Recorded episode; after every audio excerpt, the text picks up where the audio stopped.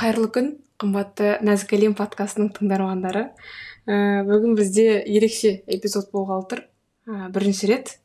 М мен социологпен және әрі жолдасыммен бірге подкаст жазғалы жатырмыз. Ә, енді ә, жантөре мырза өзіңізді таныстырып өтсеңіз оқырмандармен. Баршаңызға қайырлы күн. Бүгін подкаст қонағы болғаныма қуаныштымын. Пайдалы подкаст болады деген үміттемін. Мен университет назарбаев университетінде социология мамандығы бойынша оқыдым. 2020 жылы бітірдім. Одан кейін бір жыл жұмыс істеп кейін ә, польшада онлайн форматта отбасы психологиясы мамандығы бойынша магистратура оқыдым. Қазір жұмыс істеп жатырмын. Оқу ағарту саласында коучинг бағытында. Мхм. Сонда сіз кәдімгі отбасылық психологсыз иә? Күшті. Енді оқырмандармен осы айдармен таныстырып өтсем. Алла қаласа ә, осы отбасылық психологпен ай сайын болуы мүмкін немесе екі айда бір рет болуы мүмкін. Осындай айдар болса алла қаласа отбасылық кеңестер немесе жай еркін форматта кешкі шай бір кішігірім сондай подкасттар ә, салып тұруға ниетіміз бар. Ә, себебі бұл өте өзекті тақырып екен да. Мен байқадым мысалға ә, құдайға шүкір мысалы менің туысқандарым арасында жоқ. Бірақ мысалы жұмыс жасап жатырмын да сөйлесіп жатырмын адамдармен танысып жатырмын. Сол кезде әрбір танысқан адамның үшіншісі шығар. Андай ә, ажырасқанмын дейді. Қазіргі уақытта қазіргі заманда қатты белең алып бара жатыр ажырасу деген тақырып. Сол үшін де өзімізге де керек сияқты бірінші орында иә отбасылық кеңестер. Және егер пайдалылары болса халықта бөлісе алады қолдана алады. Бір нәрсе қоса салайын. Енді андай формат деп айтқан дұрыс шығар. Біз белгілі жаңағы отбасы психологиясын оқыдық не істедік білім алдық деген секілді.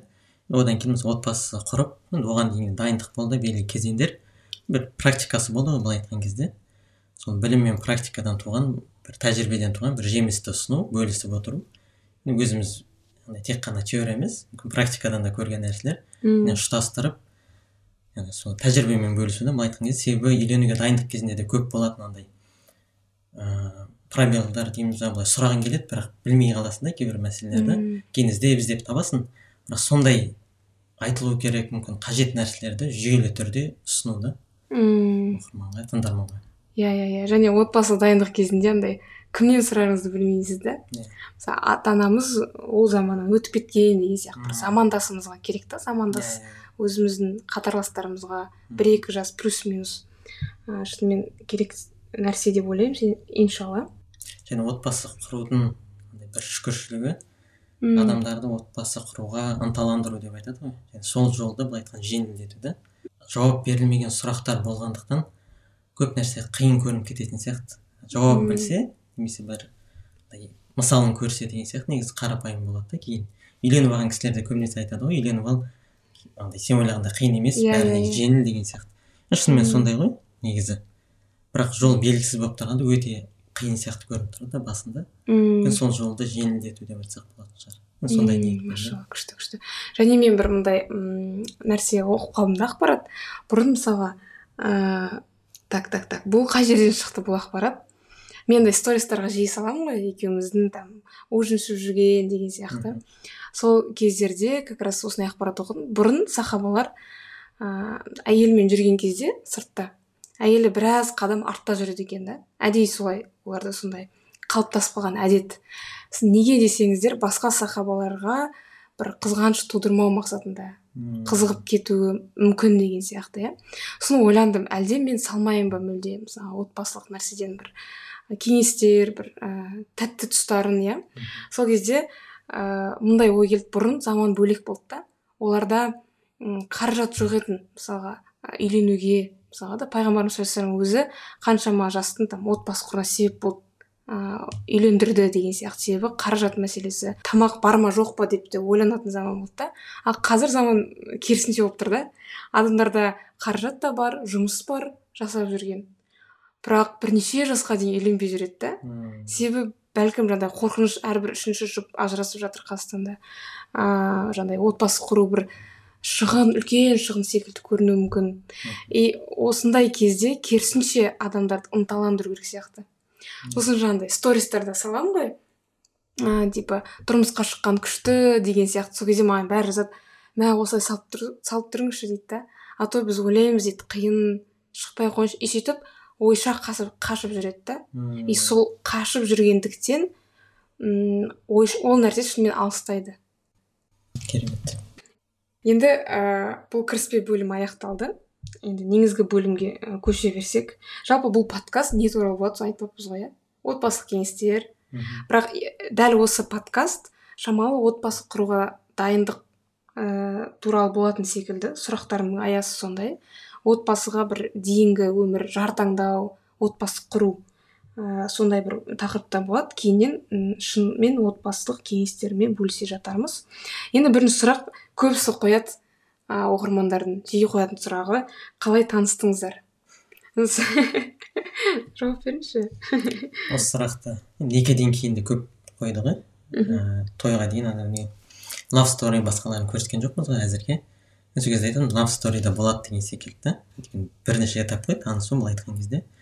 Сол лав сторида енді жалпы көрсеттік қой. Маңызды болған бөлісу керек болған кезеңдерін былай айтқан кезде танысуымыздың пайдалы болар деген тұстарын. Енді соны қарап алуға болады. Жалпы инстаграм парақшамызда бар ғой. Одан бөлек ә, негізгі бір нәрсені айтайын. Маңызды деп ойлайтын ол ә, менде енді белгілі бір талаптар критерий болады ғой. Болашақ жарым осындай болса екен деген. Менде осы нәрсе болмаса болмайды деген бір жалғыз нәрсе болды да. Ол мен болашақ жұбайым көркем жаза алса деп ойладым да. Бір жазбалары болсын кітап болсын ол қарапайым әңгімелескенде болсын көркем жаза алу маған білмеймін. Өзіме қатты маңызды болды. Және сол қасиет себеп болды деп ойлаймын біздің танысуымызға не істеуімізге енді мен инстаграмда көріп қалдым ғой жазбаларыңызды Мм. нені. Сол кезде бір танысудың ең алғашқы несі сол болды да. Біз таныстырған десем болатын шығар. Біздің жазу қабілетіміз сол көркем жазуларымыз жазбаларымыз болған шығар себепші. М, машалла машалла. Және осы осы жерде вкус туралы айт, айтқым келіп тұр сіз айтасыз ғой. Ә, бір критериім жалғыз еще иә? Ең маңызды. Ең маңызды. Ең маңызды критерий жаза алу ол енді вкус мәселесі ғой. И осы вкусты да беретін негізі алла тағала екен да. Біз чтобы шатасып кетпес үшін. Негізі әу баста ол енді тағдырда жазылған ғой. Тағдыр туралы бөлек тоқталамыз. Дегенмен былай нәрсе айтайын. Мысалы вкусты аллах тағала әдейі беріп қояды да. Миллион алманың ішінен өзіміздікіне тартып тұру үшін. Ә, сол үшін де ол ойлаймыз уже ой мен қалап тұрмын Иә. бұл менің вкусым сондай. Жоқ бұл олай емес негізі алла тағала бізге сондай адамды лайық санайды. Ә, сондай адаммен ә, жақсы өмір сүретінімізді бақытты өмір сүретінімізді біледі де сондай вкус салып қояды екен да әдейі. Шатасып кетпесін деп.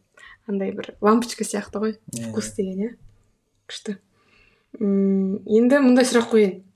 Көбісі айтып жатады да маған. Қалай тез үйленіп кеттіңдер деген сияқты. Сізге де қоятын шығар. И шынымен біз ә, санасам ә, ресми түрде жоқ ресми емес те кездесу болған жоқ қой иә үш рет кездескенбіз иә. Сосын төртіншісінде сіз уже ұсыныс жасапсыз да. Сол кезде мен иә дедім. Енді м көп уақыт емес негізі. Мысалы адамдар үш жыл жүруі мүмкін бірге екі жыл бірге жүруі мүмкін кәдімгі қыз бен жігіт болып. М сосын айтады шариғат шеңберінде қол ұстамаймыз бірақ үш жыл бойы бірге араласады да кәдімгідей ә, ресми түрде. Енді осы кезде аз уақыт тану үш кездесу туралы танысудың ұзаққа созылмауы жайында сұрасам бола ма? Енді уақытқа байланысты негізі уақыт көп нәрсені өзгертпейтін секілді көрінеді бір жағынан. Өзгертетін нәрсе ол әрекет секілді. Да мысалы енді үйленуге қатысты айтатын болсақ ол танысу ұзақтығымен ә, сұрақтар маңызды болған сұрақтар екеуі андай кері пропорционал нәрсе сияқты. Мысалы неғұрлым маңызды сұрақтар көбірек және тез арада қойылса соғұрлым адамды тез тануға болатын сияқты да. Мм. Сондықтан маңыз сол уақытша емес. Меніңше енді бес алты ай болды ғой біздің танысып не істегенімізге жалпы. Үйленгенге дейін да ол да қатты аз уақыт емес деп ойлаймын. Тануға жеткілікті уақыт. Және біз бір бірімізге көп сұрақ қойдық қой былай айтқан кезде курста неден алған деген болсын. Мхм сол сұрақтар жақсы тануға көп көмектесті деп ойлаймын. Сұрақтарды да бір жағынан сол дұрыс қою да маңызды болған сұрақтарды қою. И оларды дұрыс қою үшін де дұрыс дайындық керек әрине. Мм. Өйткені шынымды айтамын мен қойған сұрақтарымның бір тоқсан пайызын сол семинар курс кітаптарда үйреніп білген нәрселерімнен қойған шығармын да. М, мен де мен де солай жасадым жеке қызығушылық былай өзім қоятын бір он пайызы болған шығар сол ә, және кездесу болатын кезде сол сұрақтарды жазып дайындалып келу шығар маңызды Иә, өйткені иә, адам иә. ұмытып қалуы мүмкін ғой бір сезіммен уайыммен келеді жазып алу және ә, сұрақтарды қойғанда андай маңызды сұрақтар жауапсыз қалмайтындай былай айтқанда қысылмай ашық бәрін сұрай беру да маңызды Мм. болған нәрселерді сол деп ойлаймын тез танудың бір жолы. Яғни уақыттың сапасы а сұрақтың сапасы а, уақытты қысқарта алады. Иә. Және енді сол сұрақтардан бірінші кезекте өзіне қойған дұрыс сияқты да. Жұбайыма осы қоямын осыны қоямын деп дайындалмай өзіне қою да бірінші сол сұрақтарды. Мен қалай жауап беретін едім иә жауап беріп жауап беріп алады.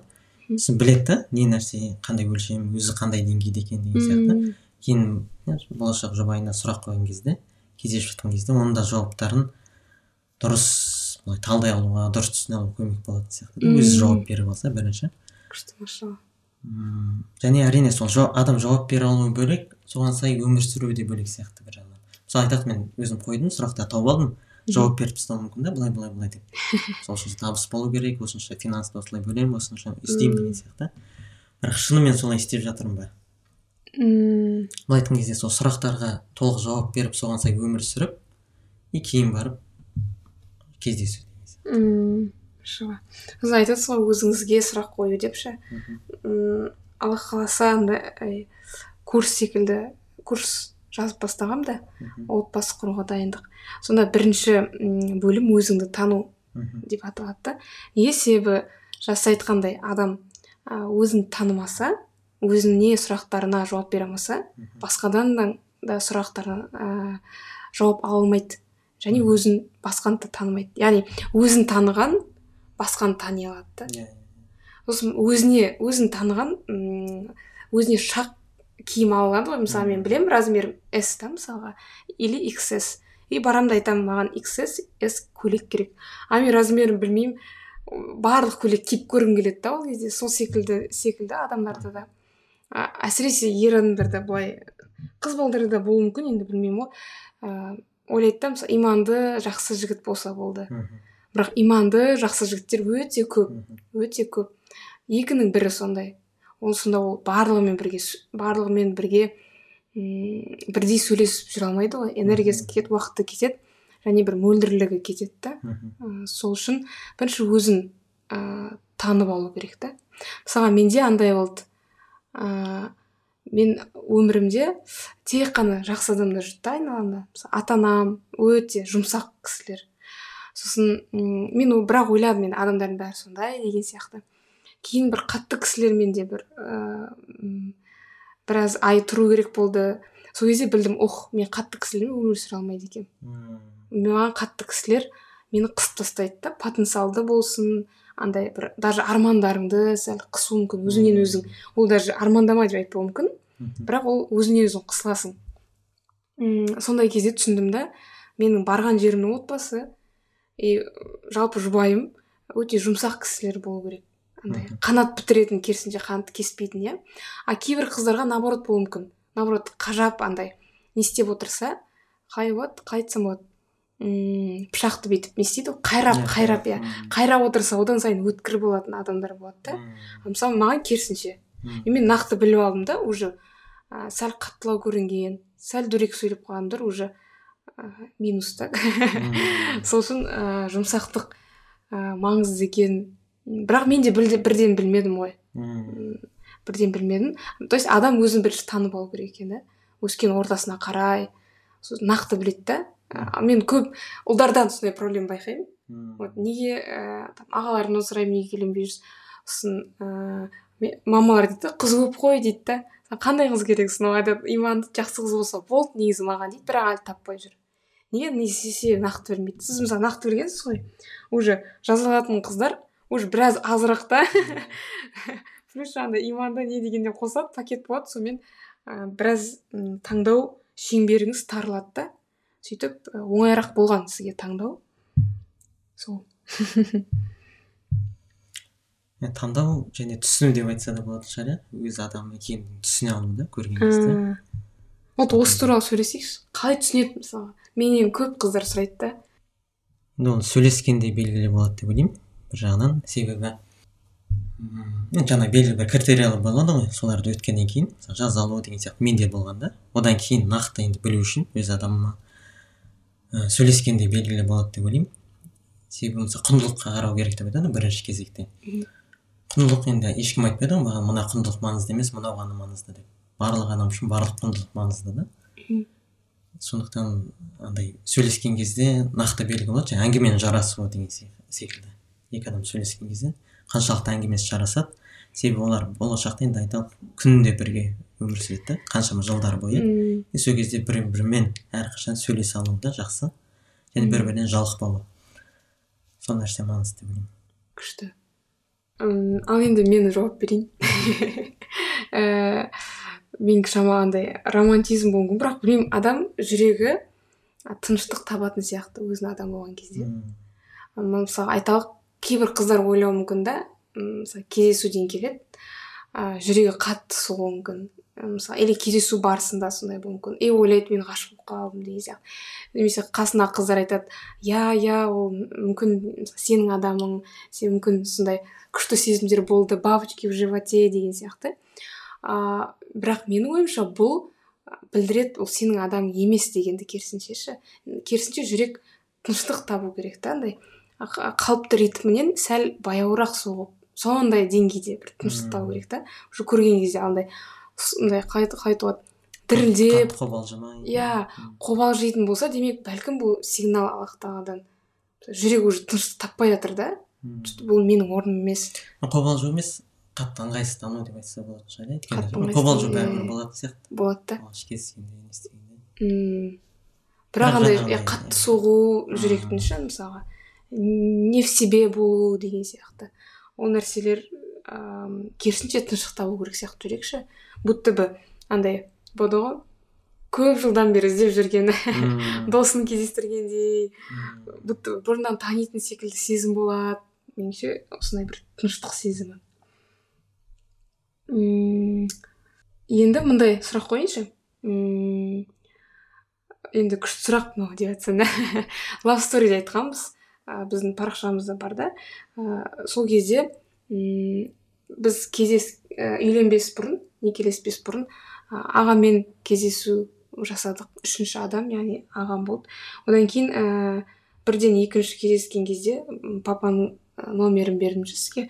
Бұл енді күшті құпиямен бөлісейін қыздармен. Себебі ә, қыздар андай жауапкершілігін адамның қаншалықты жауапкершілігі биік екенін бұл бір екі адам қандай батыл екенін үш қызға деген қалай айтуға серьезно қарым қатынас жасап тұру тұрмауын осы үш нәрсені негізі әке папаның номерін беріп тексеріп алуға болады. Адамдар егер ойланбай мысалы бірден немесе хабарласса шынымен сөйлессе бұл уже үшеуіне де иә деген сөз да ал егер мысалға бір дүйсенбі хабарласайын бір жексенбі деп күтіп жүрсе бұл демек ә, оны білдірмейді деп ойлаймын. Яғни шынымен қалап тұрған жоқ деп ойлаймын да. Енді м ер адамның шын ниетін қалауын білгіңіз келсе осындай талаптар қоя аласыз. Бұл бір лайфхак. Енді сізге сұрақ. Осы папа номерін жүрген кезде немесе давайте ағамызбен кездесейік деген кезде екеуі екі түрлі периодта болды да қателеспесем сондай кезде сізге қиын болмады ма? Не сезіндіңіз? Маған қызық болып тұр осы сұрақтар ғой. Шынымды айтсам мен де таң қалғанмын да. Өтіп кеткеннен кейін уже сөйлесіп кездесіп бәрі. Кейбір достарыма да айтамын ғой өйстіп болашақ жарыммен әкесімен кездестім ағасымен. Әкесімен сөйлестім рұқсат сұрадым ағасымен кездестік деген сияқты.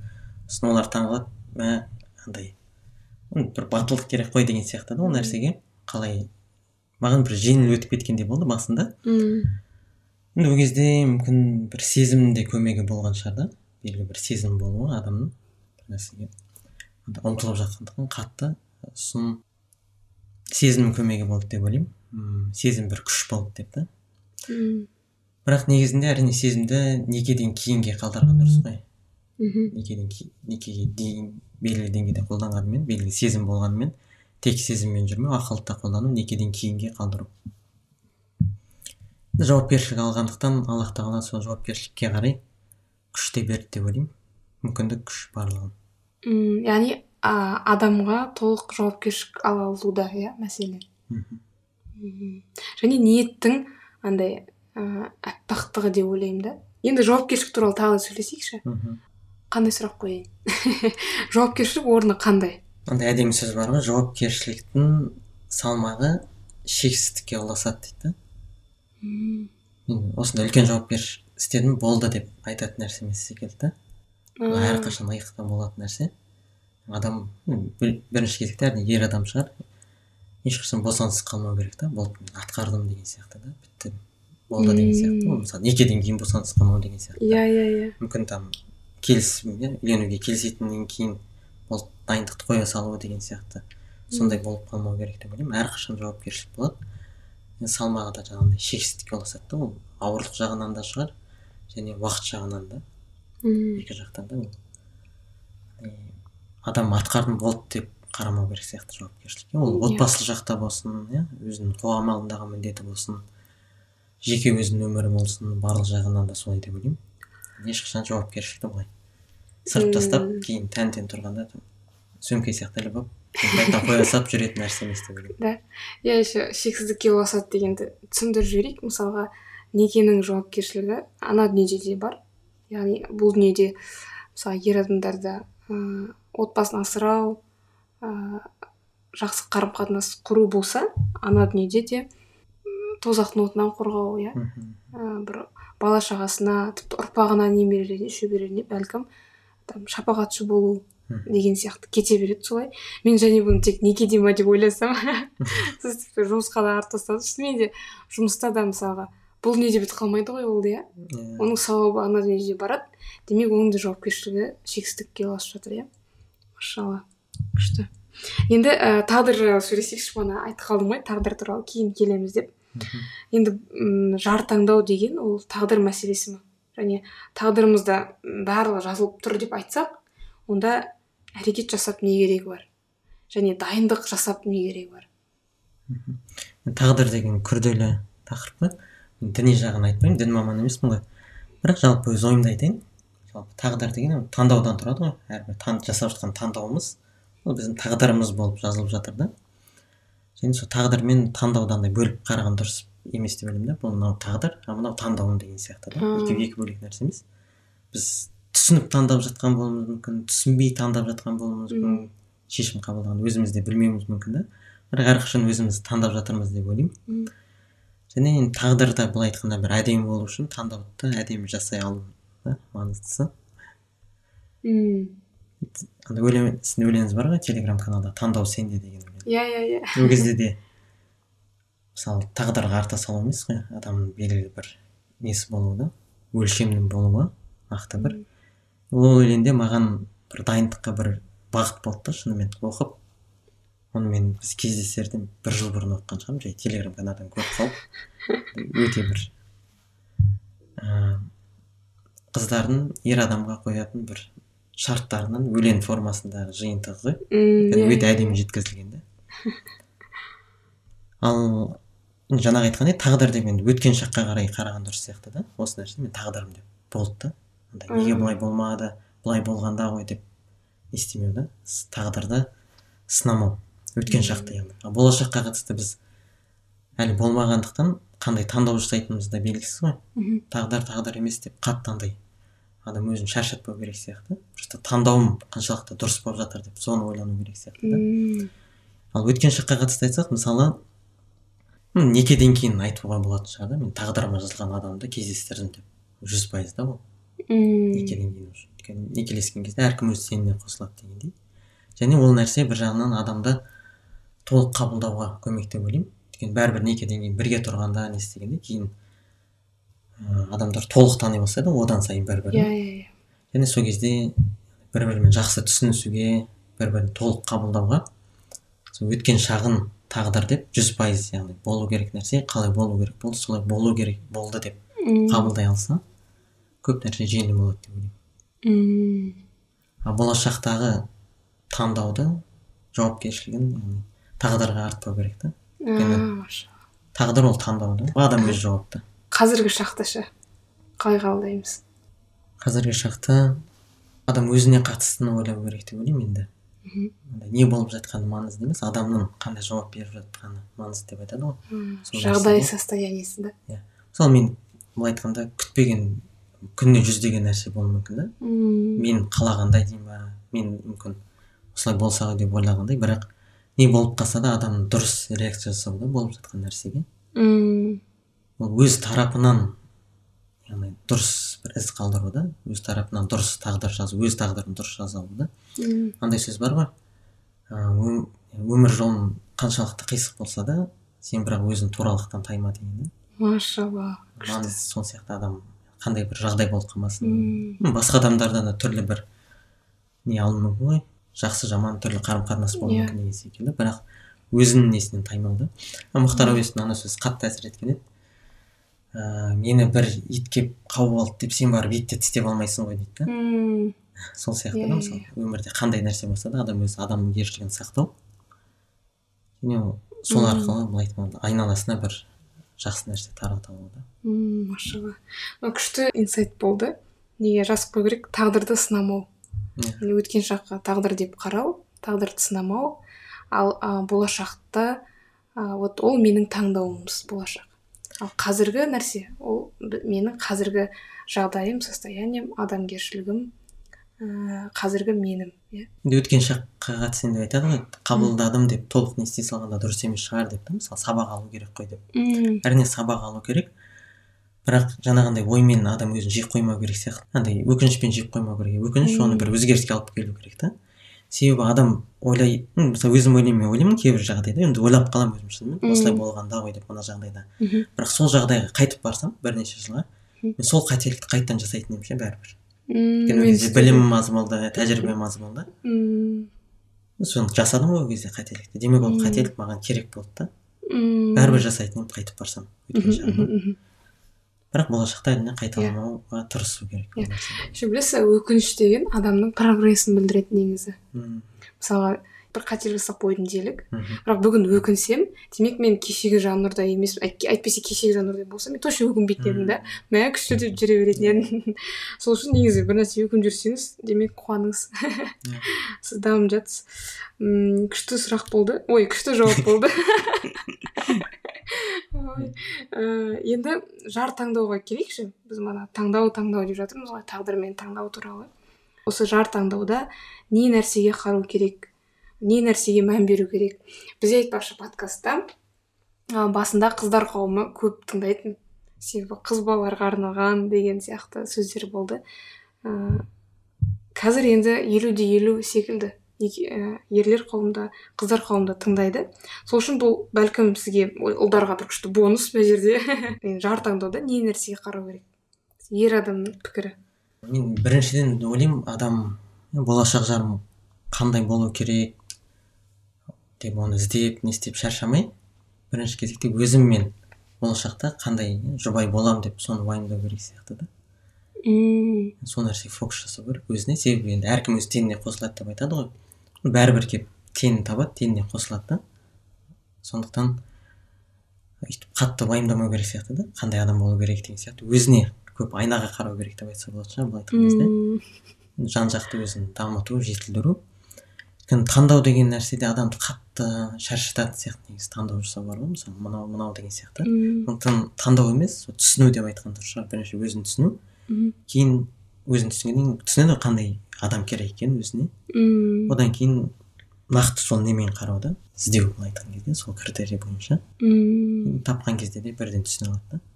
Күшті. Немесе бірінші адам болмауы мүмкін әрине кездестірген. Мхм бірақ сонда да көп іздемейді деп ойлаймын да ол жағдайда. Мм иә. Шынымен өзін өзі секілді бәрібір адам жолығады ғой. Сосын неизбежно да сонда өзіңізден алып қашып кете алмайсыз да. Тек өзіңіз секілді адам болады. Және жаңа нұр сүресінің жиырма алтыншы аятында айтқандай жақсы жарларға ә, жақсы әйелдерге жақсы еркектер жақсы ер адамдарға жақсы әйелдер. Екі рет қайталанғанда ә, сол күшті. Және аллах тағаланың барлық аяты хақ қой ол хақ сөйлеуші да сол үшін ол ешқашан м, қате сөйлемейді. Тіпті мындай менің мамам мен папам да ұқсайды да бір біріне бір ойлау нелері ұқсайды. Қалай айтсам болады. Екеуі негізі екі түрлі мысалға. Ыыы анам өте пысық адам. Ал әкем керісінше сәл нелеу болуы мүмкін да асықпауы мүмкін. Бірақ екеуінің андай ойлау биіктіктері биіктіктері бірдей. Иә адамдар екі түрлі де болуы мүмкін сияқты андай өзі секілді адам деген ол өзімен бір- бірдей адам деген деп қабылдамаған дұрыс сияқты. Яғни әртүрлі болуы мүмкін бірақ бір толқындағы адам да былай айтқан кезде. Әртүрлі болуы мүмкін бірақ бір толқындағы адам. Күшті мысал айттыңыз сосын андай да болған енді андай университетте оқығанда мысалы менде сабақ болды да сабақ сабақ бос уақыт не болмайтын. Сосын университет уақытынан сұрай бастайды ғой. Үйленейін деп жатсың ба болашақ келін кім деген сияқты кейбір кезде сұрақтар сұраған кезде мен айтатын менде уақытым жоқ кейін. Ол дайындаламын кейін барып. Иә универден кейін. Универ уақытында қатты не істемедім. Ол тақырыпқа кірмедім да. Кейін ыыы інім де әзілдеп айтады сен қызбен жүрсейші сөйлессейші деген сияқты да. Сөйлесуді үйрену керек қой деген сияқты. Бірақ ол нәрсе де андай қатты қажет болмады деп айтсам болатын шығар. Ол нәрсені уайымдау дұрыс емес деп ойлаймын. Өйткені адам өзіне фокус жасаған ең бастысы шынымен осындай нәрсені кім шығарып алған мен түсінбеймін да. Мысалға сіздің ініңіз сөйтіп айтты ғой менің де сіңілім бар да. Андай ұзату тойда тос айтқан кезде бәрін солай күлдірткен ыыы маған тәтеме айта беремін дейді да. Қашан жігітпен жүресіз неге жігітпен жүрмейсіз? Хотя бы сөйлесіп көрсеңізші деп ыыы сол кезде түсінбейтінмін оны не үшін керек? Және бір халықта бір сондай бір білмеймін кім шығарған бірақ сондай бір не бар? Ыыы қалыптасып қалған бір қалай айтуға болады стереотип десем болады иә? Адаммен көп сөйлескен сайын адамдармен сен де бір өзің жарың келгенде тауып қалады екенсіз да? Бұл керісінше заблуждениеге алып келуі мүмкін меніңше ше адасып кетуі мүмкін да адамдардың ішінде. Ол бәрібір сезім араласып кетуі мүмкін. Менде андай ой болатын кез келген қызға сол университеттерде көп болды ғой енді мысалы менің факультетімде көбісі қыздар болатын мхм. Андай қарайтынмын әр қыз ол болашақ бір жігіттің болашақ жары да жұбайы. Болашақ бір балалардың анасы деген секілді. Және ыыы сөйтіп қарағандықтан әркіммен мысалы бір әзілде де дұрыс сөйлесуде де бір шектен аспайды дұрыс нені сақтау. И өзім де қалайтынмын да менің де болашақ жарым солай болғанын қалайтын едім деген сияқты. И шынымен түбінде солай болып шықты да. Машалла. Сондай бір нені сақтай алу маңызды деп ойлаймын. М, машалла. Дайындықты да сонда дұрыс жолмен жасау керек деп айтқым келді да. Яғни ондай сөйлесу не істеу ол дайындық емес та. Дайындық емес дайындықты иә. өзіне қатысты нәрседе жасау да. Өзін жетілдіру жаңағыдай өз өзіне көп сұрақ қою сол сұрақтардың жауабын табу. Мен сол сұрақтың жауабына лайықты болу да М, машалла. Күшті. Және енді бір жағынан дайындыққа қатысты айтатын болсақ андай перфекционист болып кетпеген де дұрыс шығар. Жүз пайыз дайын болған кезде ғана істеймін деп. Иә иә иә осыны айтайықшы. Күшті күшті күшті күшті тақырып күшті сұрақ. Белгілі бір деңгейге дейін дайындалу. Мхм. Одан кейін яғни айталық бір жүзден тоқсан бес дейік та. Дайынмын деген кезде. Үйленсе болады деп ойлаймын да. Жүзде жүз болу керек деп. Әрбір нені алаңдайтын болса адам созып алатын сияқты. М, бірге жүріп те үйрен- үйренетін нәрселер бар деп ойлаймын. Үйленгеннен кейін. М. мысалға жаңағыдай намаз бастайын айтқан кезде адамдар көп мен әлі дайын емеспін деп айтуы мүмкін да. Ол жүз пайыз ыыы дайын болу негізі өте қиын және адам тіпті дайын болса да дайын бол емеспін деп сезінуі мүмкін. Мхм.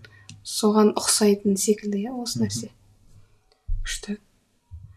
Ыыы сосын мындай нәрсе айтқым келеді. Мысалға тең теңімен деп қалдық қой. Мысалы мен мына жақта дайындалып жүрсем тоже отбасы құруға неше түрлі менде курстарға бардым. Және мен әдейі арнайлап бармаймын. Альхамдулилля мысалы ойланып жүремін мә негізі дайындалу керек. Еді и сондай курстар алдымнан шығып қалады. Және әм, подкаст болды ғой енді бастап кеткен қазан айында бастап кеткен кезде барлық адамнан почти сұрап шығыппын да. Отбасы құруға дайындық туралы там жар таңдауды галоппен таңдаймыз ба анау ма мынау ма.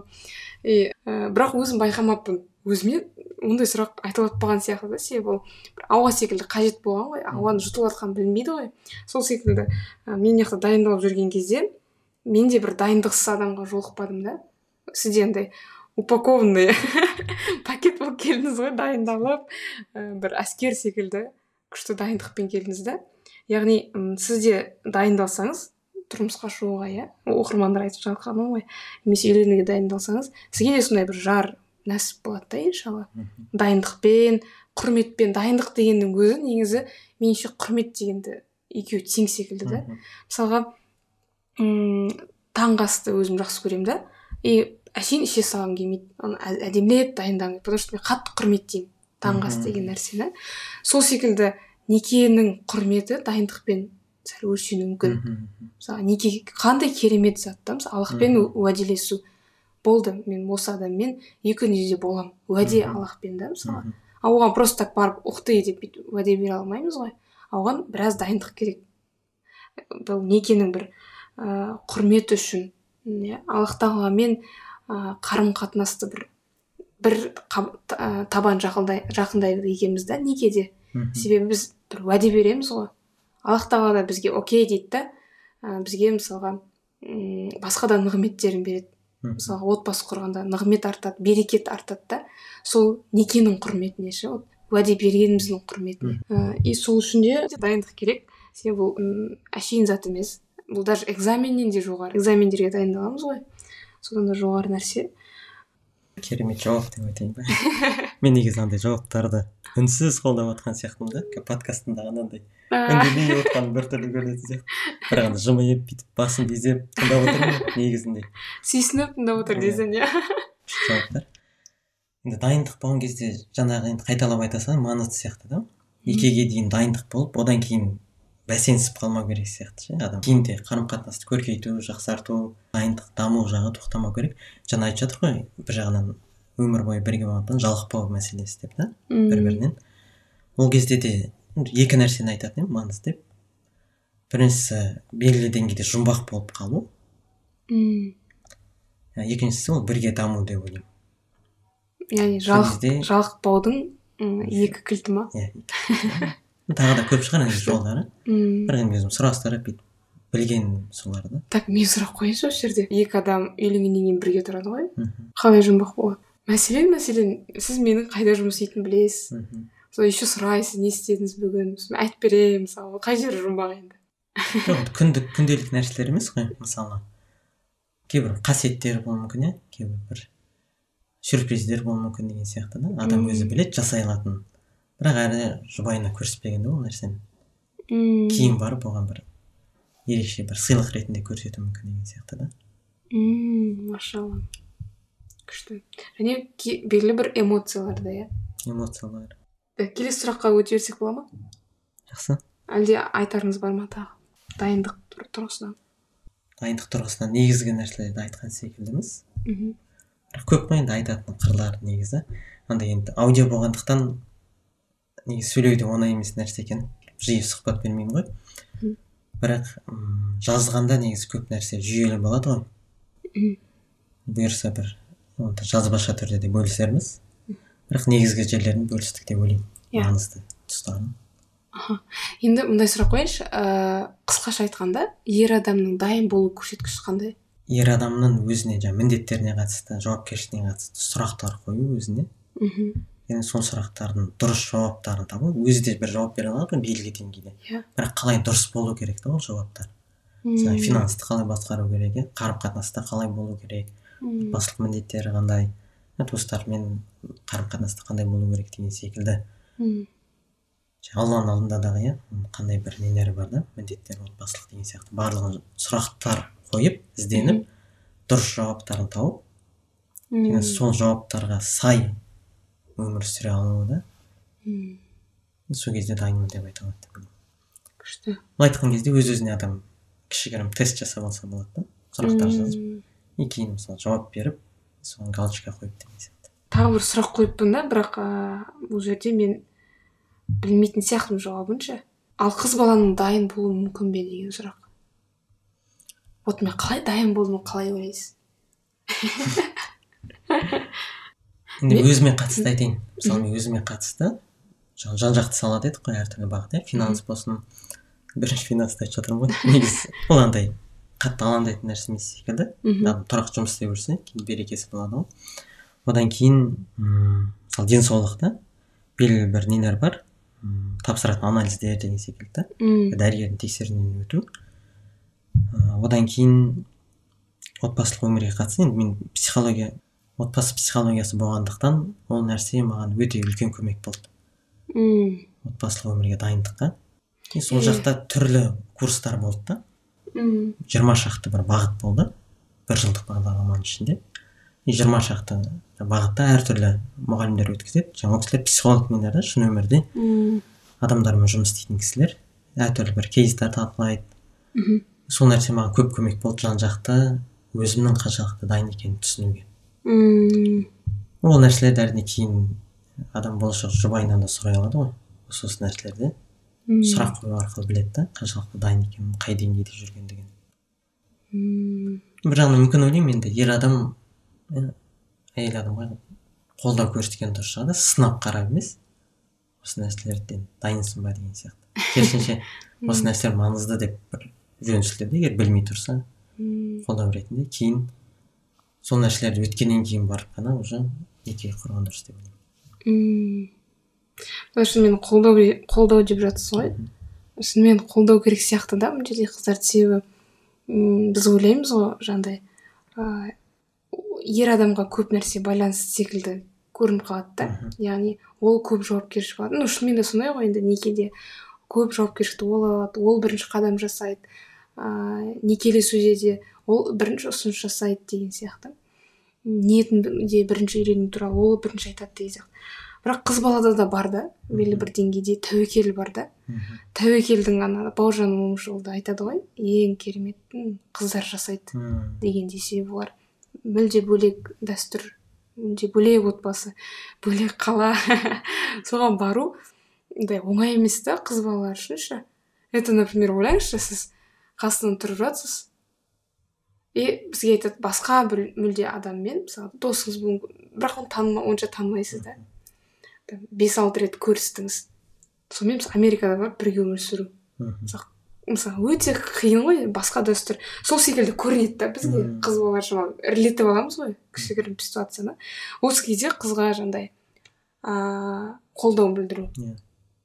маңызды сияқты шынымен себебі қыздар андай иә деп тұр жоқ деп қалуы мүмкін просто қорыққаннан. Тәуекелге тәуекелге баруға да күш керек екен негізі. Және бұл жерде ііі андай аллаға тәуекел ету ше Мхм. қатты маңызды екен да. Себебі менде де басында қорқыныш болды да. Сосын ойлаймын так тоқ- тоқта тоқта тоқта типа логично қарайықшы. Ол адам сенімді адам ба? Иә. Отбасы сенімді ма? Иә. Ыыы мен оны ұнатамын ба? Иә. Болды онда кеттік деген сияқты. Аллаға тәуекел. Бірақ соңғы жіпті там соңғы ііі нүктені аллаға қалдырамыз да. Әйтпесе шынымен тәуекелге бару ыыы қыз балалар үшін қиын және олар сол үшін де ойша алыстатуы мүмкін. Мысалы андай ана ата анамның қасында жүріп жүрген жүре салған удобно да? Құрбыларымен бірге квартирада тұрған өте күшті өте ыңғайлы зона комфортада өмір сүреді да. Ал ы, тұрмысқа шықса басқа үйдің заңдарымен өмір сүру керек басқа үйдің салт дәстүріне ілесіп ілесіп ілесуге тура келеді да. Осы кезде шынымен ііі қолдау маңызды екен маңызды сияқты. Сыни қарамай керісінше қолдаумен қарау да өз адам түсінгеннен кейін өз адам екендігін сондай не қарым қатынас дұрыс сияқты да. М, яғни сынау арқылы оны ә, не істейін деп емес белгілі бір дамытайын деген сияқты емес. Керісінше Мм. қолдау арқылы дамыту да адамды. А машалла. Күшті. дамуға күшті мотивация сияқты да. Және бұл жерде егер шынымен ә, үйленуге тұрмысқа шығуға шынымен ниет етіп таңдаса ә, ер адамға да ер адамды да қолдау маңызды сияқты да. Мысалы ол да басқа бір отбасыдан біреудің мысалға жүрегінің бір бөлшегін мысалы да қызын басқа қалаға алып кету негізі эмоционально да шамалы қиындау да. Сол үшін ә, ер адамды да қолдау иә. Сенім білдіру маңызды деп ойлаймын. М, сені білдіру. анау бір сөйлескенде бір не бар еді ғой? Некеге жақын болып жазып қойған. Сіз иә, точно иә. жақсы адамсыз ба? Жақсы болды сендім деген. Сол Иә, сөз иә, андай күшті бір әсер етті да? Да күшті. Қаладан кейін көре жатармыз. Күшті. Е мындай сұрақ. Жаңа сезім де айтып қалдық қой. Мхм. Ә, сезім маңызды ма? Оның маңызы қандай? Әлде тек қана ақылға салу керек па? Және екеуінің әлде ортасын тең ұстау мүмкін бе? Қалай және тең ұстай аламыз? Сезім болмайды десем әрине өтірік болады. Бәрібір сезім болады ғой. Ең бір қозғаушы күш те сол сезім болатын секілді. Және сол өз адамын тапқан кезде де сол адамға деген ерекше сезім болады деп ойлаймын. Бірақ енді жаңағындай иә адам аралас сезімге точно мен адам ба деген сияқты тағы сұрақтар тууы мүмкін да. Сезімі шынайы ма деген сияқты да. Ол сезім неге апарады деп. Ол кезде де андай айтқан сөз бар тек қана сезімге беріліп адам өзінің санасын ақылын өшіріп алмау да мм маңызды болған нәрселерді аттап өтіп кетпеу да сезіммен. Мм. Сұрақтар қою өз өзіне болсын болашақ жарына болсын маңызды сұрақтарды қоюға. Сол арқылы андай сезімге толық беріліп кетпей ақылын да толық толық қолдана алады деп ойлаймын. Сұрақтар қою арқылы өзіне және болашақ жұбайына. Мм.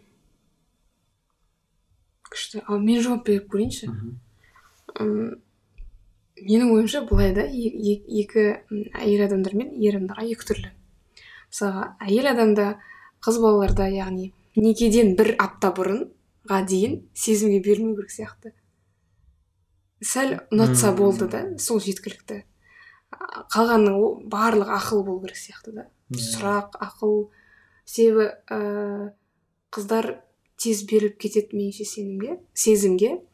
Және сезімді араластырып бұл жерде керек емес та себебі сезім қызда болса жігітті ол босаң босаңсытып жіберуі мүмкін. Ал ә, бірақ ер адамдарда керісінше да мына сексенде жиырма деген пропорция бар ғой. Сонда мен ойлаймын сексен пайыз ақыл некеге дейін.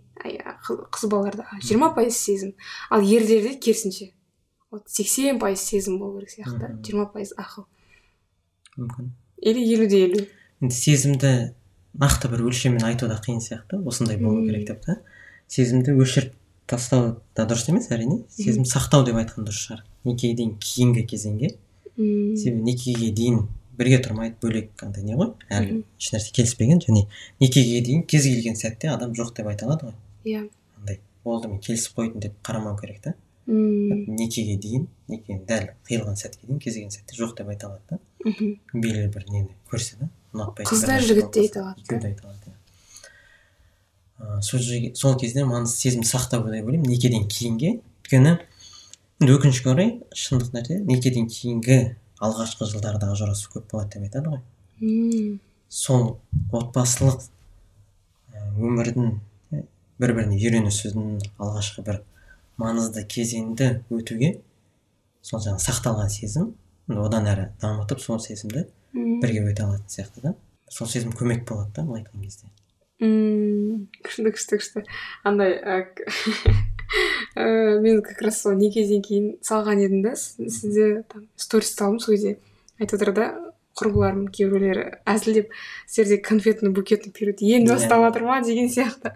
Сол как раз сол период кезінде мына бытовуха араласып бытовуха білінбей қалады да. Мхм.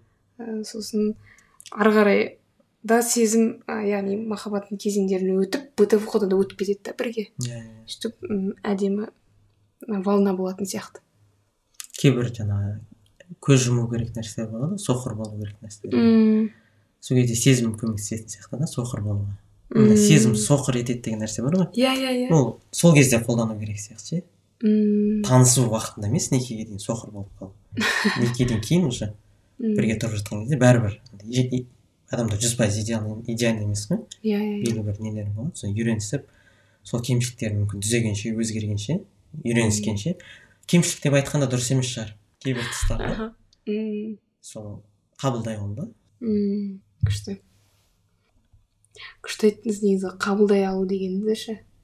Ойланып қалдым. М, себебі бізде адамдар өзгерткісі келеді да. Ал ол как будто андай да мысалға. М, қалай айтуға болады? Мысалы мұрның ұнамай тұр барып өзгертіп келші деген айт, айтпаймыз ғой олай.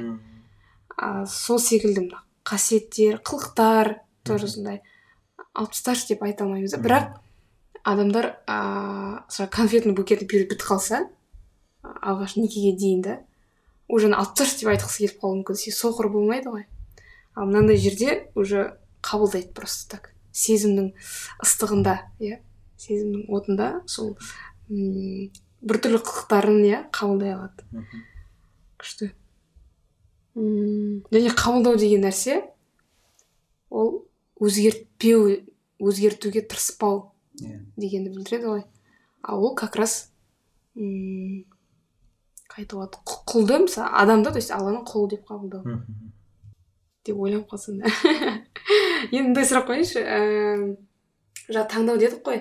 Сол кезде кстати маған і, истихара намазы қатты көмектескен.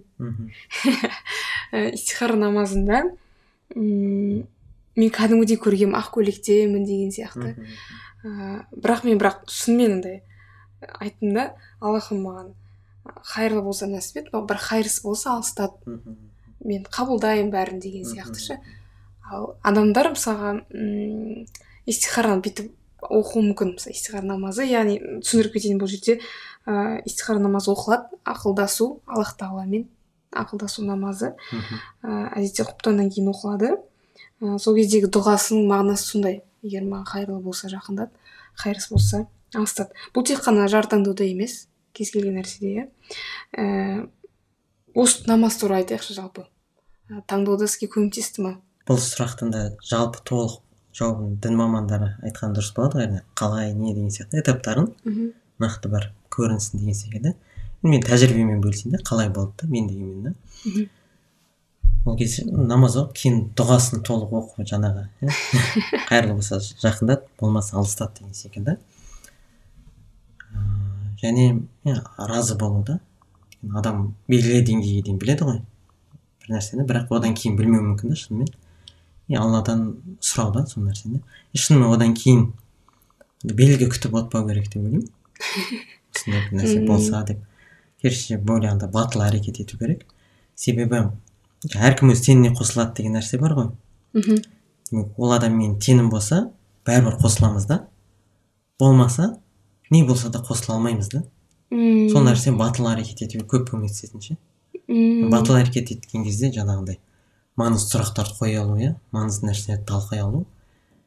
Сол нәрсе қатты көмектесетін себебі андай айырылып қалам деген қорқыныш болмайды ше адамнан. Менікі болса ешқандай жағдайда айырылмаймын да. Мм. Менікі болмаса бәрібір мен ұстай алмаймын да ол адамды. Сондықтан истихара оқығаннан кейін әрекетке көшу. И шынымен андай кейбір нәрселер ыыы бүйтіп адам өзі ойланып жеткендей. Енді көрініп қалуы мүмкін да осы этаптан осындай болды осылай болды деп. Бірақ көп жағдайда аллах тағала шынымен андай жеңілдетіп қойды да. Мм. Күтпеген жерден бір оқиғалар болып қалды деген сияқты да. Бәрі келісіп андай рет ретімен келіп шынымен сәтімен болған нәрселер өте көп. Ол да мүмкін бір дұғаның көмегі шығар да. Көп нәрсе жеңілдеді. Истихараның жауабы болды мүмкін. Иә. Мм. Шынымен мындай ә, нәрсе байқадым. Шынымен өз адам болған кезде барлық істің орайы болады. Ә, тіпті мен бір ә, адамнан стористан көріп қалдым да айтады қыздар мен білмеймін дейді да қалай мен уже ақ көйлектемін то есть бірақ мен әрине жақсы көремін дейді да бірақ вот шынымен менің адамым бірақ андай до того іс өзінен өзі орайынан тез тез бәрі күшті болып кеткен. Ол ә, қалай ақ көйлекте екенін білмей қала- қалатындай деңгейде күшті болып кеткен да яғни кейде болады бір істің ыыы артқа шегіне береді кейбір оқиғалар. Ондай кезде бұл бір ыыы жауап деп қарасақ бола ма ондайға? Реті болмай жатады. Мүмкін енді. Әркім жағдай әртүрлі болуы мүмкін деп ойлаймын бір жағынан не айтқан қиын шығар. Жалпыға да. Кесім шешім айта алмаймыз. Ә, енді махаббат туралы сөйлесейікші. Ә, ең маңызды сұрақ. машалла енді махаббат ә, некеден кейін бе? Жалпы махаббат деген не нәрсе сіз үшін? Осы сұрақ дәл некенің алдында бір талқылаған сұрағымыз болды ғой иә? Иә иә иә. Махаббат некеден кейін бастала ма өзгеріс бола ма деген секілді. Қалай қараған дұрыс махаббатқа деп. Сол кезде ойланып андай білмеймін енді ойыма келді да бір жазып отқан кезде. Мм, жазып тастаған жақсы екен негізі. Сұрақ келген кезде ойыма не келіп тұр? Мм, жазылған кезде осы нәрсе бүйтіп рет ретімен келді. И шынымен қарадым да өзіме жақсы бір не болды жауап болды. Енді махаббат жазғанымды оқып бере салайын. Мхм, өйткені реттілік маңызды деп ойлаймын ол жерде махаббат екі адамның бір біріне деген сенім құрмет және жанашырлықтан туатын асыл сезім. Мм, осы үшеуін жазыппын. Сенім құрмет және жанашырлық. Бірінші сенім енді сенімге некеге дейін осы қасиетке мән берген абзал деп ойлаймын. Болашақ жардың сөзі мен ісі бір сезімі шынайы сертке берік боларына сенімнің болуы алғы шарт та мм. Былай былай айтқан кезде некеге дейін ол адам шынымен сенімді ма соған қатты мән берген дұрыс деп ойлаймын. Сөз бен істің сәйкес болуы болсын сезімнің шынайы болуы мм. сертке берік болуы осы нәрселер. Одан кейін екіншісі құрмет. Құрметтің өлшемі неке? Некеге дейін белгілі шекараны сақтай алу некеге мәңгілікке ұласқан серт деп үлкен дайындықпен келу некеден кейін осы сертке бекем болуға барын салу. Мм. Неке ол құрметтің бір көрінісі сияқты да? Қаншалықты мына нәрсе өте күшті. Құрметтің өлшемі неке деген. Неке? Машалла үшінші жанашырлық ә, бұл жақсылықтың жаршысы болу некеден кейін болған дұрыс деп ойлаймын жанашырлық кемшілікке көз жұма қарау өзгеріс жолында жұмсақтық таныту және кемелдікке қол ұстаса ұмтылу енді осы жерде реттілік маңызды деп ойлаймын да жаңағы айтқандай. Сенім некеге дейін толық орнығуы сәл сенімсіз болса жақсы көре жатармыз деп айтқан дұрыс емес сияқты да. Некеге дейін осы сенімді толық орнықтыру да құрметтің некемен бекітілуі неке ол құрметтің үлкен бір өлшемі. Мм. және жанашырлықтың некеден кейін басталған абзал. Мм. себебі андай болып қалмау керек секілді. Енді қыз мысалы иә, жігітке андай бір жанашырлық танытып иә салу иә. иә, сондай бір сезімге беріліп кетпеуі маңызды деп ойлаймын. Иә иә. Және жігіттің де қызға иә, мен жанашырлық танытып оны қамқоршы болуым керек деп некеге дейін ойлап кетпеу керек сияқты да. Оның қамқоршы әкесі бар ағасы бар деген сияқты да. Оның жауапты отбасы бар. Некеге дейін жауапты емес та ер адам. Иә. ондай сезімге беріліп кетпеу да яғни некеге дейін жанашырлық танытуым керек ау деп некеден кейін барынша жанашырлық таныту да. Керісінше де болып кетпеу да мысалы некеге дейін барынша жанашыр болу неке болғаннан кейін жаңағындай босанысып қалмау да. Машалла мына өте күшті не? Екен иә реттілігі ыыы маңызды шынымен. Мысалы жанашыр болып иә деп қою иә мысалы мен бір рет екі рет кездестім ғой ол үміттеніп қалды. Иә дей салайын жоқ десем жағдай қиын болып қала иә қалады ау деп. Жалпы иә аяныш сезімінен ыыы келісім емес. Шынымен некенің бір шарты бар шынымен де. Екі жақ шынымен иә болу керек. Иә. ол бір шарт та ол. Егер ол сіз ә, белгісіз болып тұрса демек оның бір шарты орындалмаған есеп қой. Мгм. некенің ол жерде неке бар ма жоқ па ә, белгісіз. Сол үшін м, сенім маңызды және жанашырлық ол некеден кейін ғана басталады. Мгм.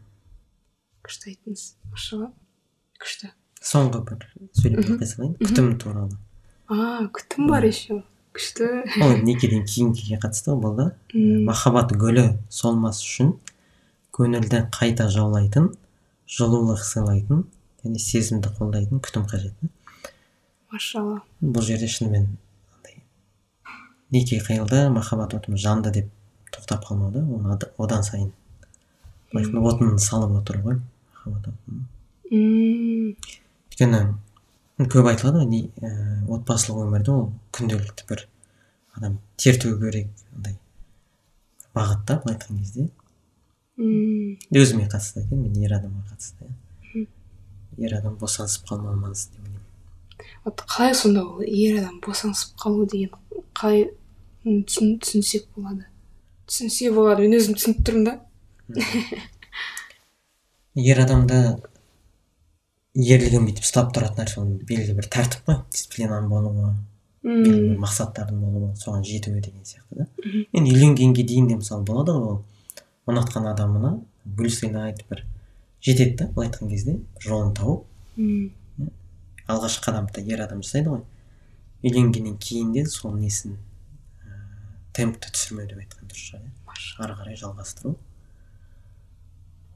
Иншалла. Бұны күтім деп атадыңыз да. Бұны күтім деп иә өйткені ер адамнан деп неге айтып жатырмын себебі ер адам күтім жасаса әйел адам андай гүл сияқты деп айтады ғой одан сайын құлпырады да яғни екеуі де күтім жасаған емес ер адам более күтімге жауапты секілді мм гүлге күтім жасайды кейін сол гүлдің жұпар иісін бір көркемдігін алады деген сияқты да машалла қазақша айтқанда бағбаны сияқты иә Иә. гүлдің өсіруші суарушы Иә. машалла мынау цитата болатын нәрсе болып тұр бір мысал айта салайын ба? Бір рет біз бір кездесуге гүл алып алу керек болды да. Ол қыстың күні болды суық күн. Сол кезде мен неден гүл дүкенінен гүлді алып машинаға шыққанша бір бес метр шығар арасы. Иә иә Ы, сатушы айтты да гүл үсіп қалады деді да. Орау керек міндетті түрде деді. Мен сол кезде таң қалдым да. Гүл сондай аз ғана жерде үсіп қала ма деген сияқты да. Мен ала салатын ала салу керек деп ойладым да жай. Содан кейін орап берді кейін сөйтіп барып ашу керек болды да. Жылы жерге әкелгеннен кейін барып. И сол кезде де ойладым да мысалы андай сол оқиға маған бір ііі үлгілі бір оқиға болды деп айтсам болады. Қыз баласы сондай бір нәзік деп қараған дұрыс шығар да. Оны тоңдырмау оған бір күтім жасай алу да жағдай жасай алу. Аз да болса бір сәтке суықта қалдырып кетпеу да былай айтқан кезде. М, қызық бір оқиға болды сол кезде. Иә машалла. Мен оны есімде ііі әдемі гүлдің клубничасы бірақ үсті андай жылы материал бар. Ғой иә. тепло Иә. теплород тепловод па солай аталады ол. Сөйтіп жабық тұрды машалла күшті. Енді қорытынды ретінде бір сұрақ қойсам. Машалла біз бір сағаттан бір сағаттай болыпты подкастымыз. Ііі, қорытынды ретінде мындай сұрақ. Негізгі бөлімнің қорытындысы ретінде ыыы дұғаның маңызын айтып өтсек. Біз бәріміз айтып жатырмыз. Негізі нәсіп мәселесі ғой бұл нәрсе ше? Ыыы біз өзіміз бір таңдап алатындай дайындыққа өзіміз келетіндей бірақ бұның барлығы негізі негізі дайындаудың өзі нәсіп та. Ойлаудың өзі нәсіп. Сол үшін ыыы дұға туралы сөз қозғасақ осы жерде ана нәрсе оқиғаны айтып бергім келіп тұр. Мысалға ыыы пайғамбарымыздың саллаллаху алейхи пост ретінде жазғанмын телеграмға. Пайғамбарымыз саллаллаху алейхи қыздары болды ғой. Мхм рухия радио фатима деген сияқты.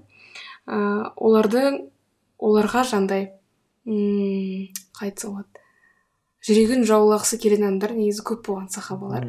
Тіпті ыыы әбу бәкір омар секілді күшті сахабалар ыыы келіп сұраған. Бірақ олар сұрағаннан кейін олар пайғамбарымыз саллаллаху келісімін алмағаннан кейін басқа мықты сахабалар тіпті ыыы жарайды деп қоя салғанда сұрамайтындай деңгейде болған.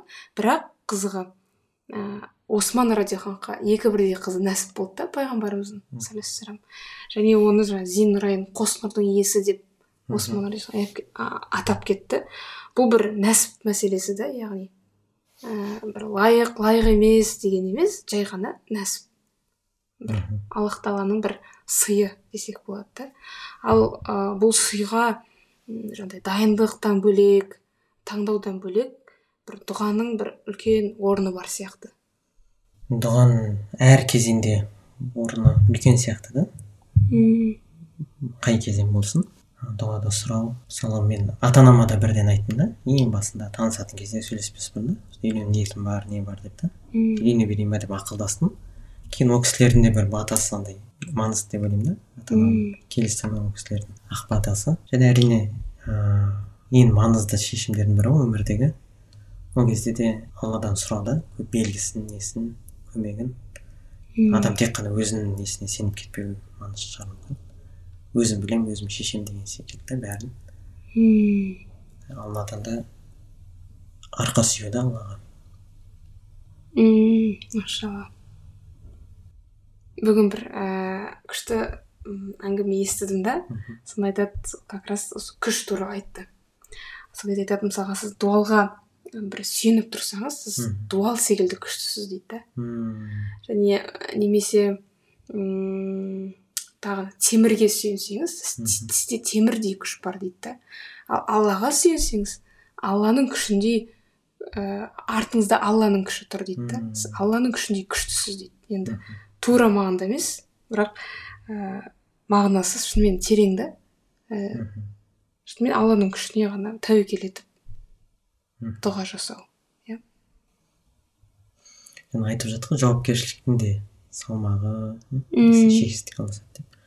Ол жауапкершілікті көтеретін күш адамда шек- шексіз күш жоқ қой. Мм. Оны көтере алу үшін де сол аллаға арқа сүйеу да жаңағыдай алладан күш алу да. Күштің былай айтқан кезде алладан екенін білу мм. сол арқылы мүмкін сияқты. Шынымен күшті мысал екен. Не нәрсеге сүйенсе сол нәрсе күш береді да адамға. Және ә, жаңа күшті айтып кеттіңіз дұға ол әр кезеңде де маңызды. Мысалға ә, истихараны ол да бір дұға ғой. Дұға намаз болғанмен намаздан кейінгі дұғасы бар. Жалпы намаздың өзі дұға ғой. И сол кезде сізден сұрадым ғой. Ыыы келіс келісіп қойдық біз уже. Бірақ ә, истихара туралы бір сұрап қалып сол кезде сіз айттыңыз мен әлі оқып жүрмін дедіңіз да. Бұл жерде мәселе таңдау таңдамау ма- маңызында емес. Ә, келесі қадамдар одан сайын көркем Иә, иә, болу иә. үшін да. Яғни әр кезеңде де оқу. Иә. Соңы бір керемет одан да көркем болу үшін иә. Иә. Истихара дұғасын жаңа айтқандай тек «Е, осы адаммен жұбаймын жұбаймын емес деп қана оқу емес. Мхм. Одан да бөлек әрбір маңызды шешім қабылдарды оқуда М, қазір де иә кез келген бір маңызды шешім қабылдаймыз ғой мхм, болып жатқан. Сол кезде де бұл нәрсені оқу ойлану деген сияқты да. Алладан көмек сұрау. Алдында да біреу әзілдеп айтып жатқан еді соны. Истихара дұғасы. Бір үйлену тұрмысқа шығу дұғасы ретінде ғана қалып қой- қойып қойды ма деген секілді. Басқа жағдайда да оқуда. Күшті. Әр кезде де дұға ету шынымен м, маңызды машалла.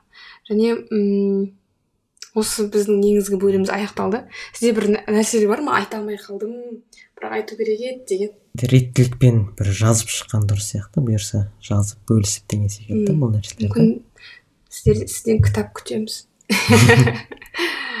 Иншалла ә, курс ә, жазып бір жүйелеп қойдым да бір рет. Ә, сол курста да болады. Ә, бұл көбінесе бірақ қыз балаларға арналған болады. Ал сізден бәлкім кітап иә қыздарға да ұлдарға да. Енді мен психология оқыған кезде отбасы психологиясын мына нәрсе айтты да күшті ұнады. Негізі әрбір психолог белгілі болсын иә өте танымал кісілер. Олар өздерінің өміріндегі бір мәселелерді шешу арқылы сол арқылы жеткен ғой сондай неге. Кейін сол кісінің жолы деп сол кісінің ат- атына берілген да белгілі бір нелер жолдары психологияның сол кісіге атына аталған деген сияқты белгілі тәсілдер. Сол сияқты әр адам мүмкін өмірінде де әртүрлі жағдай болуы мүмкін да. Мына адам өмірінде осындай екен. Демек басқалардың бәріне сондай бір неде қалыптастырған дұрыс емес шығар да. Ол мысал ретінде үлгі ретінде сол адамның өмірінен мүмкін елу пайызын алуға болады да. Жетпіс пайызын алуға болады деген сияқты. Мүмкін кейбір адамға он пайызын ғана алады деген секілді. Тіпті басқаша болуы мүмкін да. Себебі ол адам өмірінде мен, мен өмірімде ана адамның өміріндегіндей болмай жатыр ғой деп кері шегінген де дұрыс емес шығар кей жағдайда. Тіпті басқаша болуы мүмкін да адамдардың танысуы отбасы құруы деген секілді кезеңдер тіпті басқаша формада өтуі мүмкін. Иә иә. Сол бір немен шаблонмен шектеліп қалмау маңызды деп ойлаймын. Андай бір әдемі сөз бар ғой. Ііі қандай бір басшы қандай бір білімді адам айтса да адам соңында өзі ойлану керек дейді. М, машалла. Өзінің басымен ойланып қарап. кейін барып шешім қабылдау соған сай әрекет ету сосын м, біздің ниетіміз сол енді шама келгенше алған біліммен тәжірибемен бөлісу да иә тек қана заңдылықты айтып жатқан жоқпыз тек қана осылай болу керек деген м, күшті айттыңыз курста да болашақ курс болсын жаңағы кітап болсын м, енді ііі кез келген нәрсені оқыған кезде солай қараған дұрыс деп ойлаймын да м, белгілі бір адамның белгілі бір өлшемімен жазылған нәрсе барынша алу керек сіңіру керек. Бірақ кейін қорытып қарау керек деген сияқты да. М, басқаша болып жатса тіпті басқаша да болып кетуі мүмкін шынымен. Мысалы, Иә. бір досымда болды ол айтады белгілі бір нелерді жазған да талаптар болсын не болсын елестетіп жүрген. Бірақ кейін кездесіп сөйлескен кезде кездескен адамы тіпті басқаша болған да. Бірақ екеуміз бір бірімізге сай екенімізді түсіндім дейді да.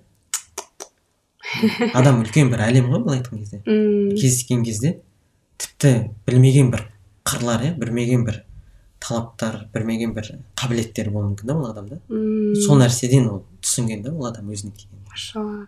Талаптары оның алдында қойған талаптары жай жөнінде қалған иә. Күшті машалла.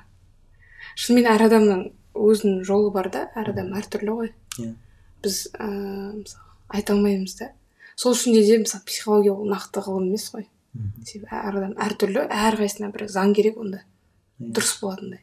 А ондай ыыы заң шығару мүмкін емес те әр адамға әртүрлі заң шығару. Күшті. Және маған былай көрінеді жалпы курс кітап деген тақырып мен өзім де солай қабылдаймын да. Мхм. мәселен әр адамның өзінің жаңа жолы бар дедік қой сапары бар.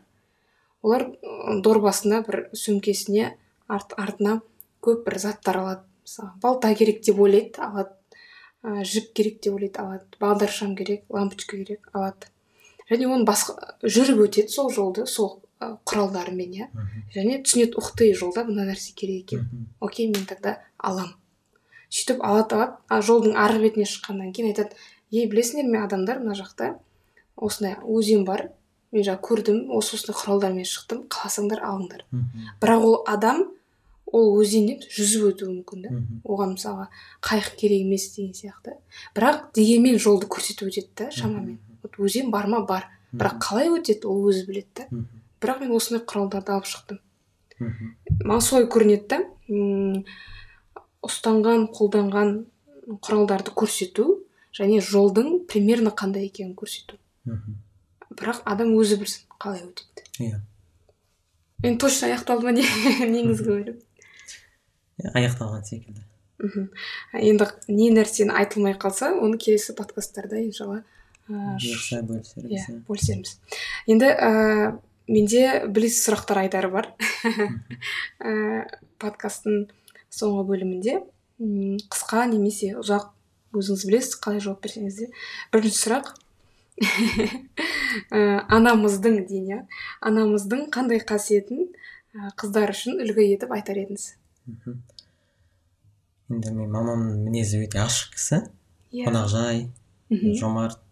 Үйде әрқашан қонақ болады да. Мен ә, мен қалада оқығанда ата анам ауылда тұрды. Кейін мен астанада оқуға кеткенде қарағандыға көшіп келді андай мен әрқашан алыста кете бердім да былай айтқан кезде. Сосын мм. демалыс уақытында баратын да көбінесе. И барған сайын қонақ болатын. М, машалла. өте көп болатын қонақ. Барғанда он жағдайдың бір сегізінде қонақ болатын шығар үйде. Өте жиі қонақ келіп жатады. Сол қасиеті ерекше деп айта алатын едім. М, үйден қонағы үзілмейтіндей ашық мінезді қонақжай болу. Жақсы қасиет анамның үлгі алатын қасиеті М. машалла күшті. Ііі мама тыңдап жатқан шығар. Иә. Қуанып қалып жатқан шығар. Сәлем жолдаймын. Сәлем бердік дегесен иә. Екінші сұрақ. Ыыы кішкентай әдеттер өмірімізге үлкен өзгерістер алып келеді. Сіздің өміріңізде қандай әдет бар? Өміріңізге бір үлкен өзгеріс алып келген? Оқиғаны айта салайын түсінікті болу үшін. Университетке түскен кезде бірінші курс мен үшін қатты қиын болды. Мектептен қарағанда жүйесі басқаша. Сабақ саны аз бірақ өз бетімше оқитын не көп та. Бұрынғыдай белгілі бір сабақ оқу уақыты бірге бір жүретін не жоқ.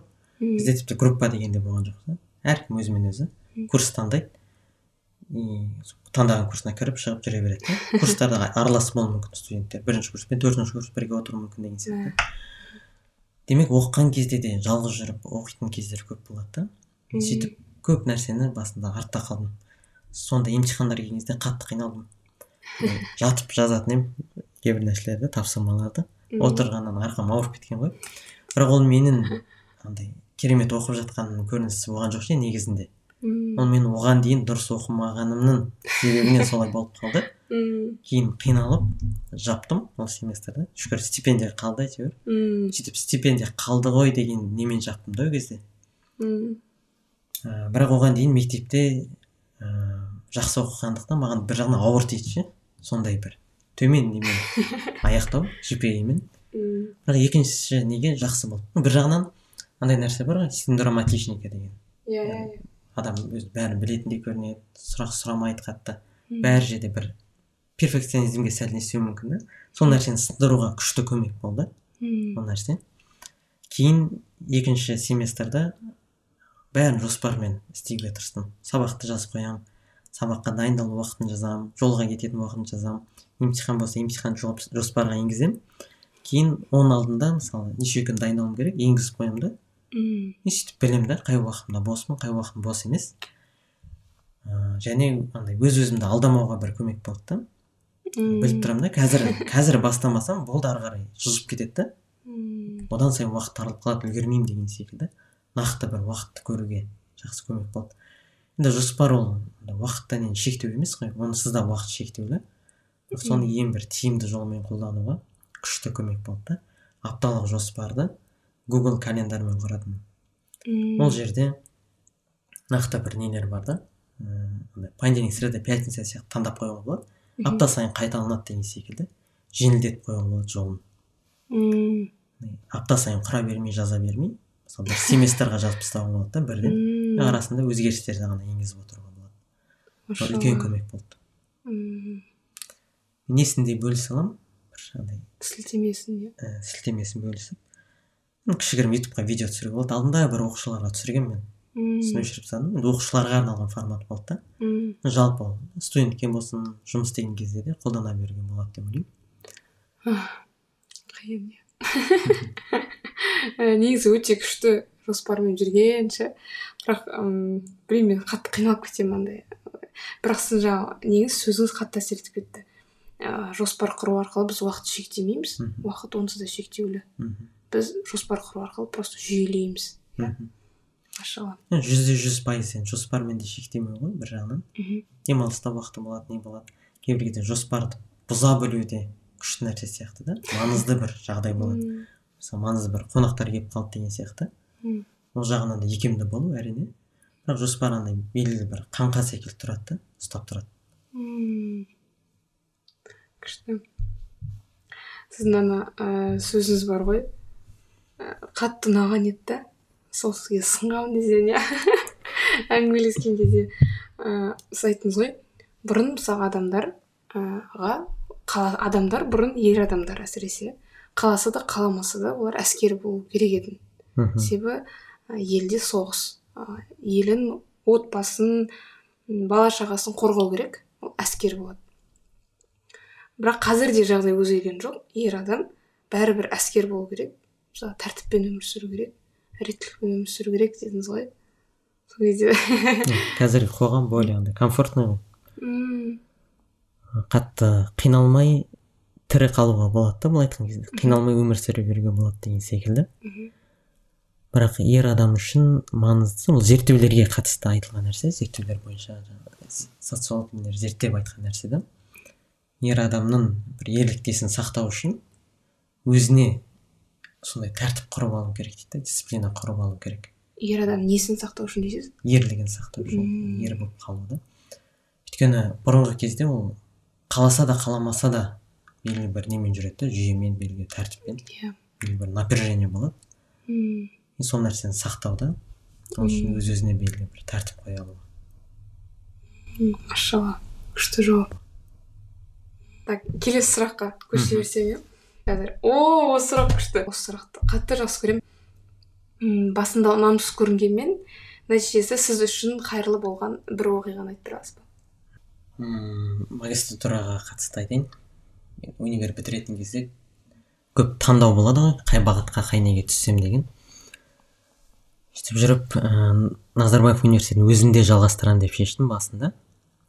Кейін бірақ басқа салаға қатысты болды да дейта сайенсқа оған дейін социология оқыдым. Сөйтіп тапсырдым күттім күттім. И карантин уақыты болды да сол кезде как раз. Күтіп жүрмін жүрмін.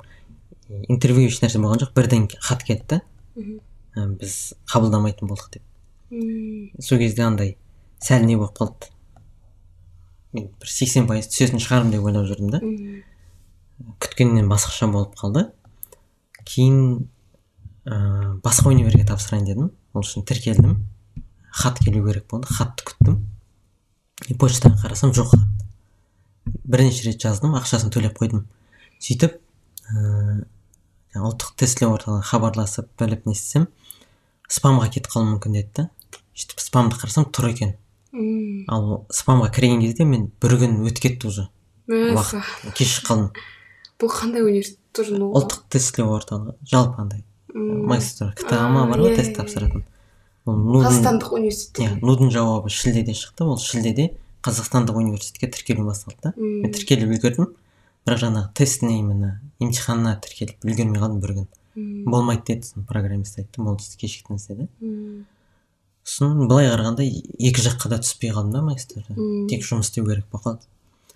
Одан кейін жұмыс істеп жүрдім жүрдім. Кейін сол бір жылдан кейін отбасы психологиясы бойынша сол курс магистратура ашылды. Да сол кезде түсіндім да сол нәрсе түспей қалғаным шынымен қайырлы болған екен деп. М, машалла. оған дейін көп қарап жүрдім қайта түссем болады түспей қалдым ғой деген секілді. Бірақ шынымен жақсы болды. Өйткені отбасы психологиясы андай отбасылық өмірге өте керемет дайындық болды ше. Мм. бірнеше курстың жиынтығы ғой былай айтқан кезде. М, бала тәрбиесі болсын жаңағы ер әйел психологиясы болсын түрлі түрлі курстардың жиынтығы өте күшті дайындық болды. И как раз соны біз неке қиған күн бар ғой. Мхм. дипломын негізі содан кейінгі күні алатын болдық та біз? Тура сол. Күлдім да мен бірден білімімді қолданып отбасы қылып қолданатын болдым ғой деп. Бірақ белгілі себептермен отмена болды Мм. кейін барып уже бірақ жалпы екі айдан кейін ба? Алдық. Аха. Жалпы оқуды сол ә, неге дейін бітіріп қойдыңыз? Иә иә. Андай дипломмен ауылға деген сияқты. Иә. дипломмен некеге болды да машалла. Және сіздің ыыы болмысыңызға келетін сияқты да осы психология саласы. Мүмкін. Иә иншалла. Андай деп айтады ғой енді. Ә, бір марқұм досым айтқан еді. Ол өте андай не жігіт қай бағытта да өзін мықты дамытқан ше? М, шынымен сөзі де өтімді болды. И андай менен жасы кішкене бірақ аз уақытта өте көп нәрсе істеп үлгерді ше өмірінде. И әр сөзі андай шынымен есімде қалып кетті ше. Өте ұзақ бір уақыт болғандай. Бірақ достығымыз да көп болған жоқ негізі. Екі үш жылдай ғана мен таныс болдым. Сол айтқан еді м, папам айтты дейді да ер адам қандай істі болсын істей алу керек дейді да. Күшті. Өте жақсы нәрсе айтты. Ол мысалы айтатын мен осындай бір салада істегім келеді бірақ мына сала қазір біздің еліміз үшін өте маңызды деп ойлаймын дейтін да. Сөйтіп сондықтан оқып жатырмын дейді да ол нәрсені. Сол нәрсе өте маңызды сияқты яғни психология қажет па демек соны меңгеру деген сияқты да немесе басқа қажет па соны меңгеруге ер адам меніңше күші жетеді да ол нәрсеге. Яғни кері шегінбеу керек сияқты. Күшті. Машалла Ә, енді келесі сұраққа көше берсем иә? Дұрыс шешім қабылдау үшін қандай ұстаным принциптарға сүйенесіз? Енді бірнеше не шығар? Қадам деген секілді. Көбінесе енді бірден ізденуге тырысатын сияқтымын. Бір шешім қабылдау керек па? Қай бағытта? Сол бағытта іздену да кітап болсын сол бағытта бір маман болсын да. Соны сұрастырып біліп ізденіп андай более профессионально шешім қабылдау деп айтқан дұрыс шығар. Солай шешім қабылдау да. Маманмен ақылдасу себебі андай да нәрсе бар ғой. Жағымды жауапты қолдайтын адамдар болуы мүмкін. М, бірақ ақиқат жауапты айтатын адамдар да болуы мүмкін да ақиқат шешімді. М, более сондай бағытты таңдау. Машалла. Яғни ә, ұнайтын емес ақиқат таңдау иә? Иә.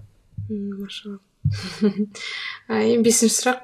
Адамды бірінші кезекте жаңағы құндылығына қарап тану керек дедіңіз ғой. Құндылық адамды танытады дедіңіз. Ә, сіз үшін ең басты құндылық қандай? Ә, шыншылдық деп ойлаймын. Жаңағы сөз бен істің сәйкес келуі иә. Жалпы андай ең маңызды фундамент сияқты көрінеді маған шыншылдық. Сенімнің де бір несі ғой сақталу үшін. Шыншылдық керек та. Шыншылдық болмаған жерде сенім де болу мүмкін емес сияқты. М, И кез келген адаммен де ол тек қана отбасылық неде емес кез келген жұмыста болсын достықта болсын шыншылдық өте маңызды деп ойлаймын. М, машалла. Және мұсылмандардың ең алғашқы несі де осы сияқты шыншыл болуы. Иә.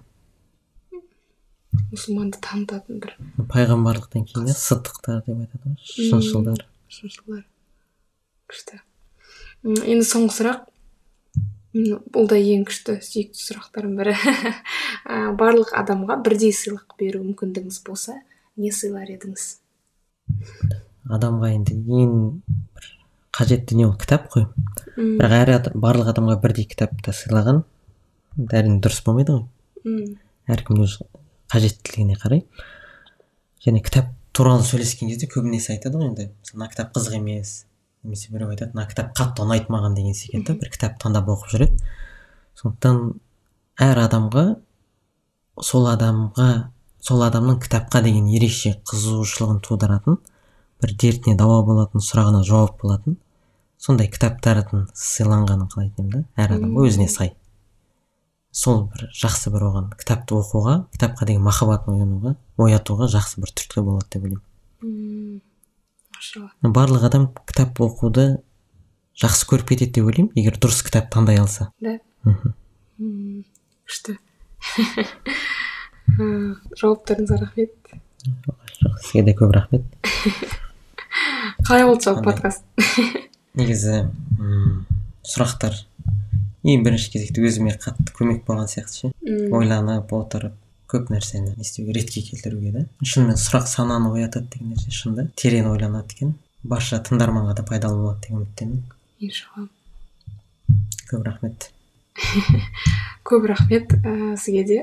Иншалла сіз секілді ә, некеге үйленуге м, жауапкершілікпен қарайтын саналы ә, парасатты ер адамдар көбейе берсін.